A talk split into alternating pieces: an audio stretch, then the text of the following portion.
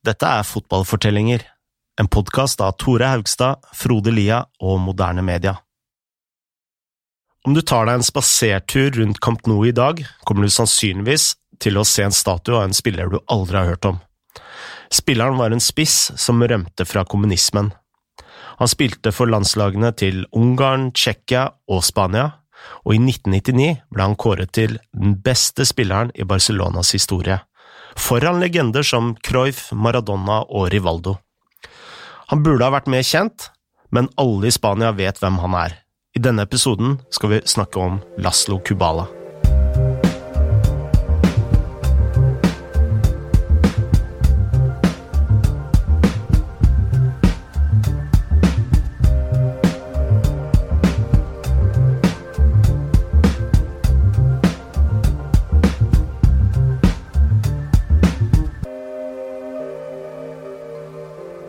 Tore, da jeg begynte å følge med på spansk fotball, må jeg ærlig innrømme at jeg aldri hadde hørt om Kubala. Vi snakker om en av de mest legendariske spillerne i spansk fotballhistorie. Ja, og ikke minst en av de mest utrolige personlige historiene som fotballen har å by på. Men eh, sånn tidsmessig, idet Kubala kommer inn i bildet, hvor er vi? Vi er i 1951. Atletico Madrid har vunnet to ligatitler på rad. Barcelona har akkurat kommet på fjerdeplass. Og Real Madrid altså, de har ikke vunnet ligaen siden før borgerkrigen. Med andre ord, begge lag kunne ha trengt en uh, ny stjerne. Det kan jeg trygt si. Men hvor kommer Kubala fra? Nei, uh, Kubala ble født i Budapest i 1927. Da han var 19 år, flykta han til Tsjekkoslovakia for å unngå militærtjeneste. Og to år senere dro han tilbake til Ungarn. Ja, og akkurat her tror jeg vi skal gi ordet til en av våre favorittforfattere. Vi har snakket med Jonathan Wilson, som blant annet har skrevet en bok om ungarsk fotball kalt The Names Heard Long Ago. Han hadde dette å si om Laslo Kubala. And his, his story is incredible. Know, he was he was a very promising player from. Um, wife was was a Slovak. I think he probably has Slovak ethnicity, but anyway, his, his wife I think was in Bratislava, and they decided in the late forties they were going to going to flee communist Hungary um, and they just had a child, um, by a matter of, of, a few months old. And Kubala uh, disguised himself as a Soviet soldier.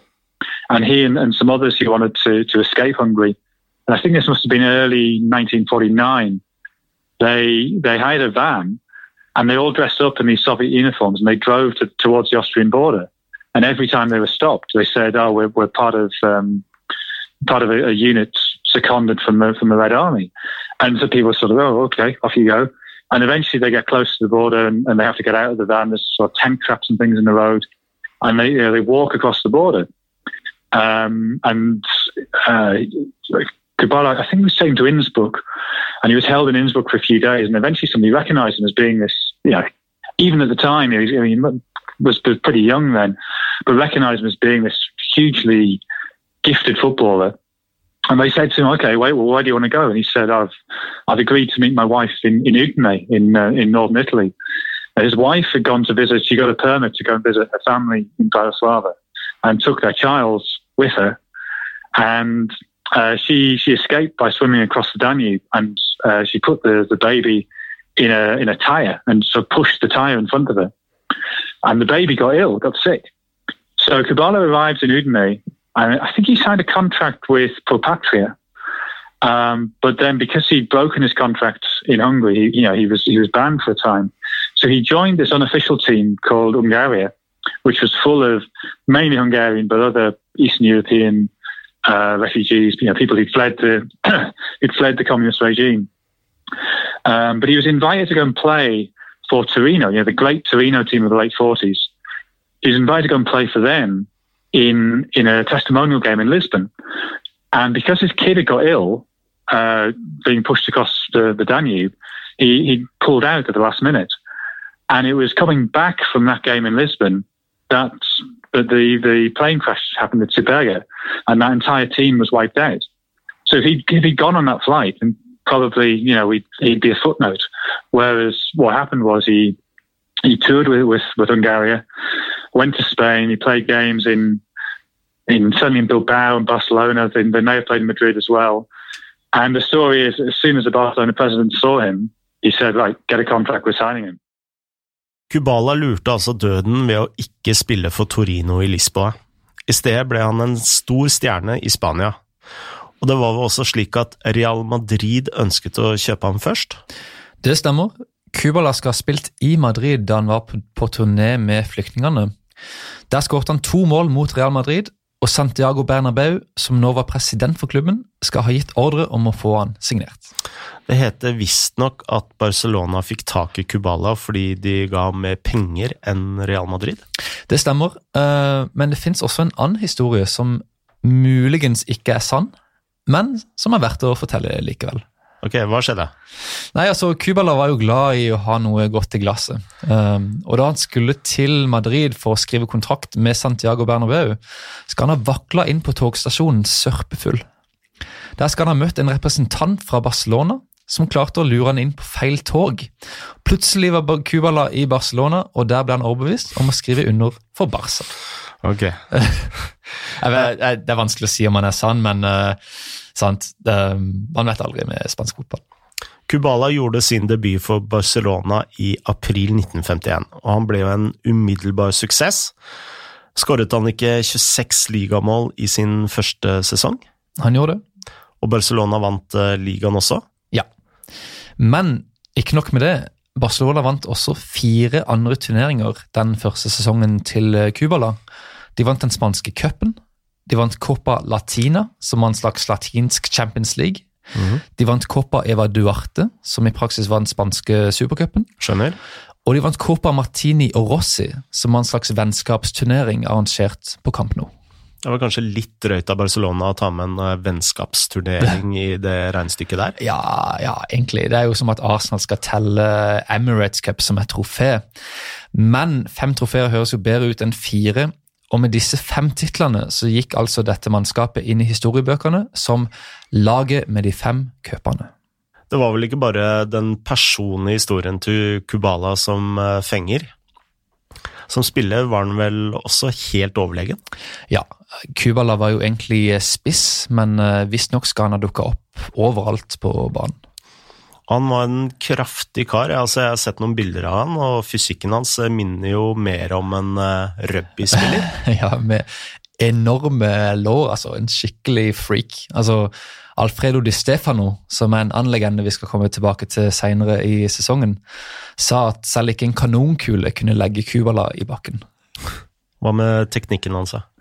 Nei, teknikken hans var jo eh, utsøkt. Eh, Kubala hadde føtter som en ballettdanser. Eh, altså, han skjemte ut fansen med finter, hælspark, lekre pasninger. Eh, og det bør vel ikke overraske noen heller at han hadde et blytungt skudd. Da vi snakket med Jimmy Burns, fortalte også han om en spiller som ikke var lett å stoppe. great, great character, um, Kuala. I mean, I, I I remember many years later um, uh, going along to uh, a training ground near the new camp and, and seeing these veterans play.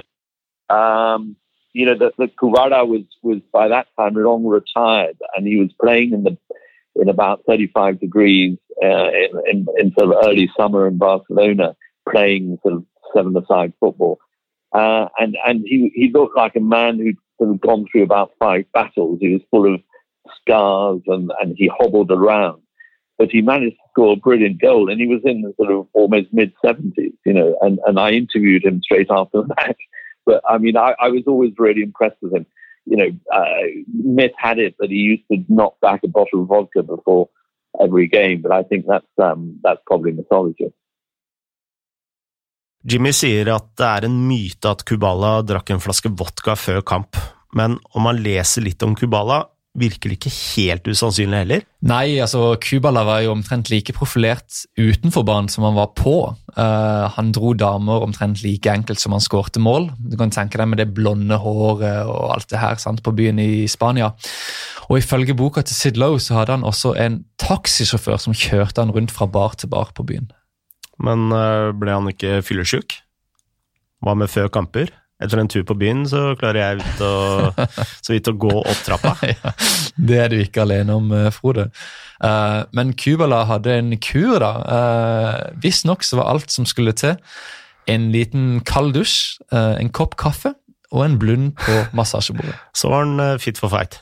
Så var Kubala fit for fight. Og generelt sett så virka Kubala nesten helt ustoppelig.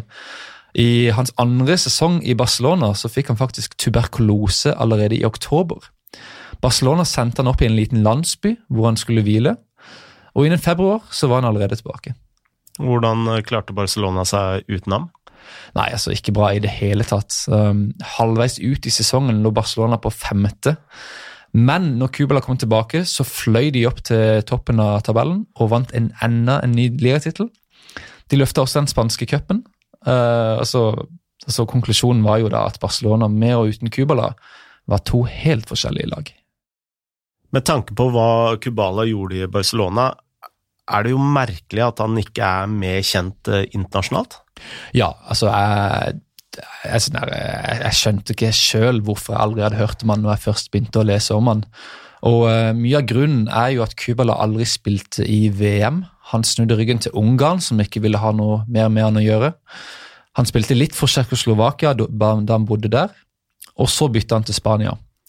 Men både i VM i 1954 og 58 klarte altså Spania å tabbe seg ut i kvaliken. Dessuten spilte han vel aldri i en av de store europeiske ligaene på den tiden? Nei, altså ikke utenom Spania. Men eh, til gjengjeld da, så visste jo alle hvem han var i Barcelona. Ja, Barcelona spilte så bra med ham på laget at de måtte bygge en ny stadion. Den de spilte på, hadde plass til 60 eh, 000, som ikke var nok, så i 1957 bygget de Camp Nou, med plass til 99 000. Altså, Barcelona måtte da bygge Camp Nou i praksis fordi Kubala var så populær, altså nesten for populær. Helt riktig.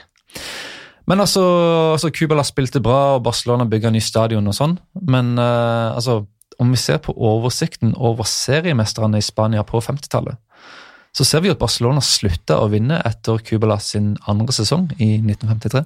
Det stemmer. Hvorfor det? Det har med å gjøre at eh, Barcelona trodde de hadde kjøpt eh, den beste spilleren i hele verden.